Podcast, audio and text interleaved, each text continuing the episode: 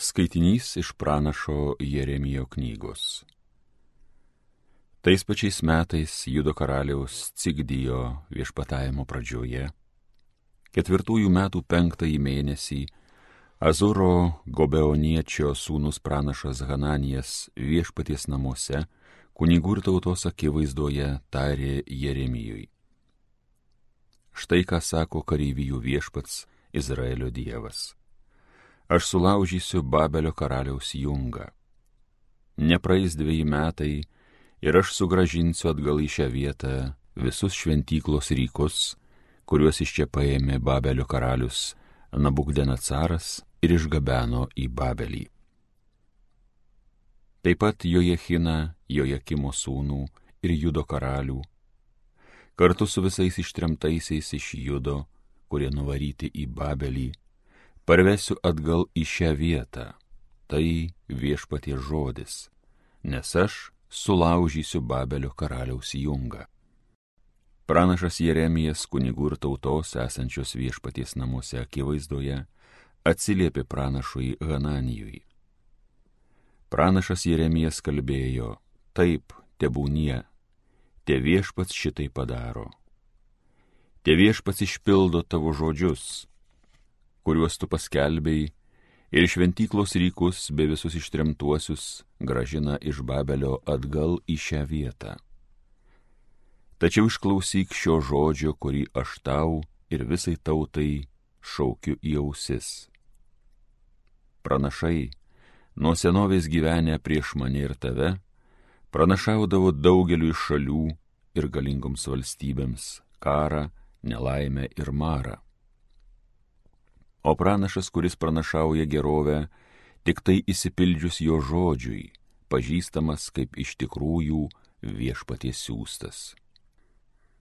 Tuomet pranašas Hananijas nuėmė pranašui Jeremijui nuo sprando kartį ir perlaužė ją per pus. Paskui Hananijas pareiškė prieš visą tautą. Štai ką sako viešpats. Lygiai taip, nepraėjus dviejams metams, Aš, Babelio karaliaus Nebukdanacaro jungą, nuimsiu nuo sprando visoms tautoms ir sulaužysiu jį. Pranašas Jeremijas nuėjo savo keliu. Po to, kai pranašas Hananijas pranašų Jeremijui nuo sprando nuėmė jungą ir perlaužė jį, Jeremijui pasigirdo viešpaties balsas. Eik ir paskelb Hananijui. Štai ką sako viešpats medinį jungą tai tu sulaužiai, bet vietoje to padarysi geležinį. Ne štai ką sako viešpats Izraelio Dievas. Geležinį jungą uždėsiu ant sprando visoms šioms tautoms. Jos bus pavaldžios Babelio karaliui Nebugdenacarui. Jos bus jam pavaldžios, net lauko žvėris jam atiduosiu. Tada pranašas Jeremijas kalbėjo pranašui Hananijui. Klausyk, Hananijau, tavesgi viešpats nesiunti ir tu suvedžiojai šią tautą melu patikėti. Todėl viešpats sako, štai aš pašalinsiu tave nuo žemės paviršiaus, dar šiemet tu mirsi, nes kelbėjai prieš viešpatį maištą. Septintą tų metų mėnesį pranašas Hananijas mirė.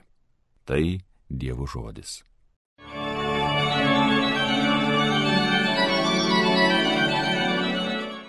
Šviesk man viešpatie savo mokslu. Į klystkelius patekti neleiski, suteik man savo įstatymo malonę.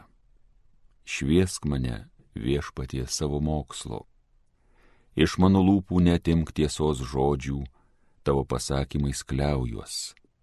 Šviesk mane viešpatie savo mokslu. Tegu pas mane susieina, kurie tavęs bijo, kuriems tavo potvarkiai rūpi.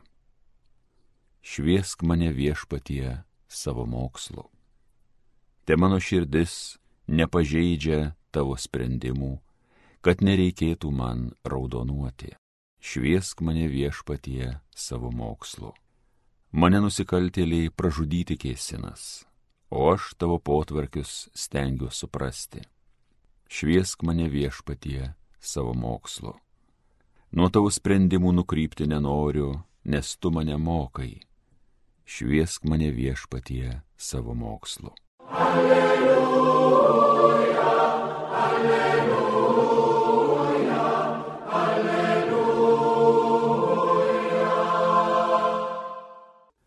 Žmogus gyvas ne vien duona, bet ir kiekvienu žodžiu, kuris išeina iš Dievo lūpų.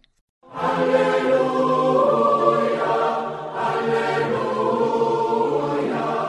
alleluja. Iš Evangelijos pagal Matą. Tai išgirdęs, Jėzus laiveliu nuplaukė į dykvietę, į vienumą. Minios sužinojo ir iš miestų pėsčiomis nusekė paskui. Kai išlipo į krantą ir pamatė daugybę žmonių, Jėzui pagailo jų ir jis išgydė jų ligonius. Atėjus vakarui, prisartino mokiniai ir tarė, vietovė tuščia ir jau vėlus metas.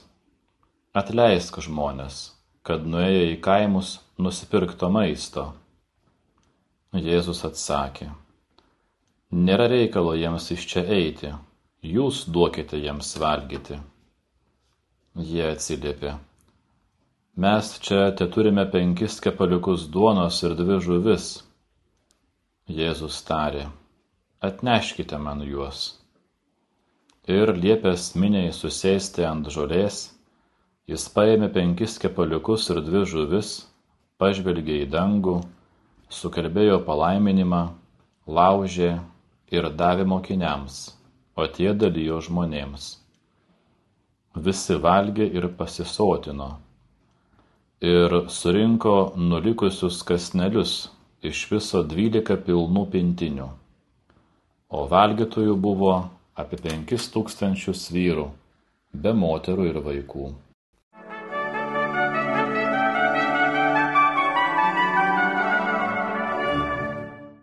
Šiandien minime šventąjį Alfonsą Mariją Liguorį, gyvenusi XVIII amžiuje Italijoje, žymų moralistą, Eucharistijos kulto apaštalą.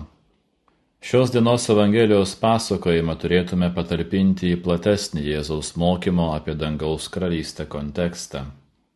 Ankstesnis Mato Evangelijos skyrius pateikia visą eilę Jėzaus palyginimų apie dangaus karalystę.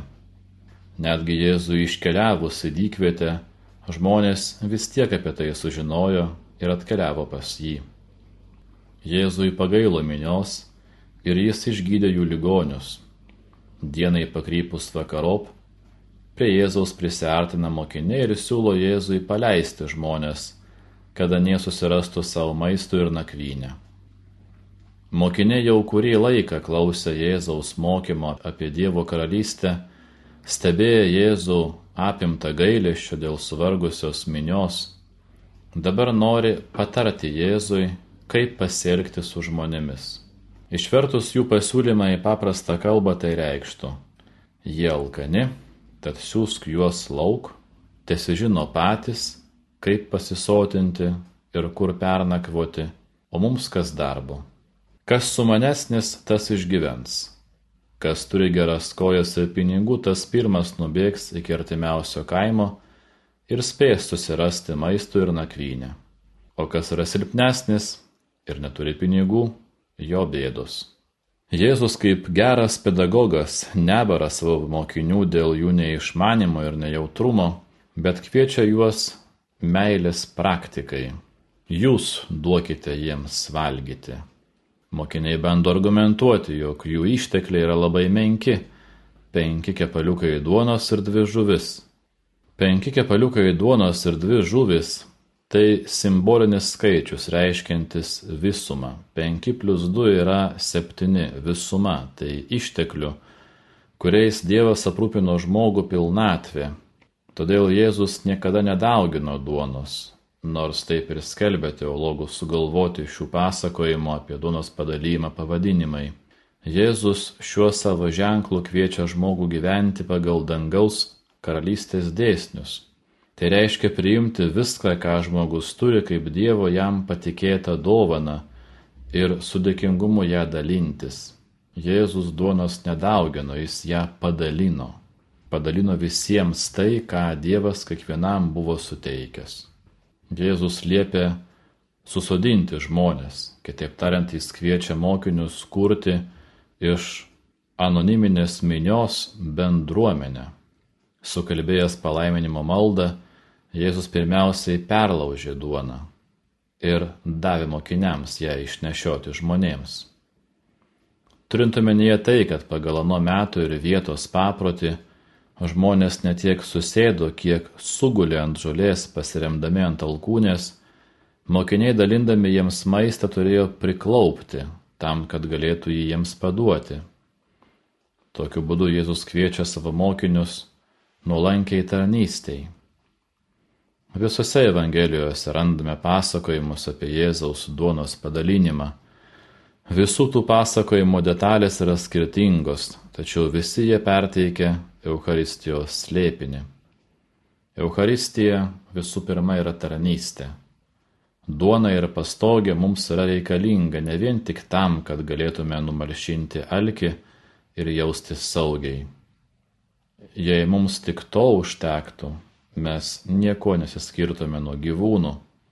Duona mums yra duota, kad mes ją galėtume perlaužti su savo artimu. Paskutinės vakarienės metu Jėzus laužo duoną ir dalina paštalams. Imkite ir valgykite, tai esu aš.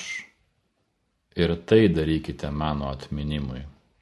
Priimti Jėzaus perlaužtą duoną tai gauti tarnystės artimui privilegiją ir įpareigojimą. Atsiliepti į šį kvietimą reiškia jau čia žemėje gyventi dangaus karalystę.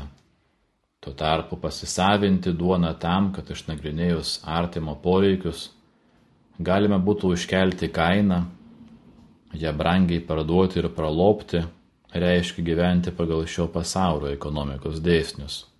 Tai reiškia nukelti dangaus karalystės tikrovę į kažkokį arčiau neapibrėžtą ir todėl nerealų pomirtinį gyvenimą. Eucharistinė duona tai yra Kristus. Neprašo žiūrėti į jį ar jį nešioti procesijoje.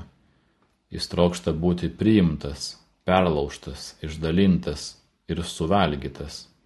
Tam, kad ir mes nebijotume perlaužti ir dalinti save pačius ir savo gyvenimus. Tik perlaužtas ir išdalintas gyvenimas yra amžino dangaus karalystės gyvenimu. Šventasis Alfonsai Marija Liguori, Euharistijos slėpinio apaštalė, kuris perlaužė ir išdalinai savo gyvenimą. Melski už mus.